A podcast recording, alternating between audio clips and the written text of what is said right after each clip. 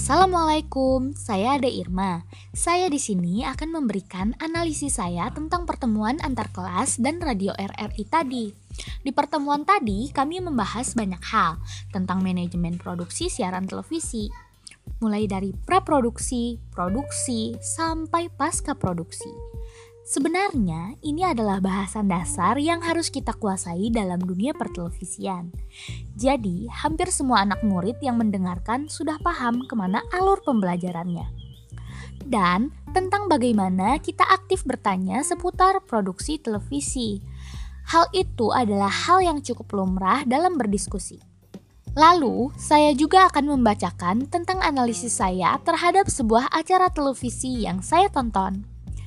Program acara televisi yang saya tonton adalah program yang bertajuk One Man Show yang tayang pada pukul 12 malam waktu Indonesia Barat.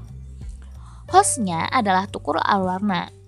Di sini saya menonton yang bintang tamunya adalah Lesti Kejora dan Rizky Bilar.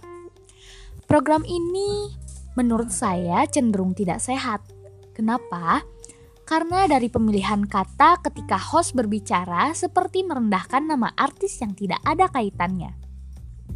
Contohnya saja, di segmen pertama acara ini, ketika sedang berbincang dengan bintang tamu, Tukul seperti mengubah nama artis Hollywood dan Bollywood.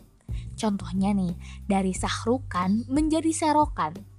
Tentu saja sebenarnya ini tidak boleh dilakukan di dalam dunia pertelevisian walaupun hanya untuk bercandaan, karena ini mengandung unsur sara.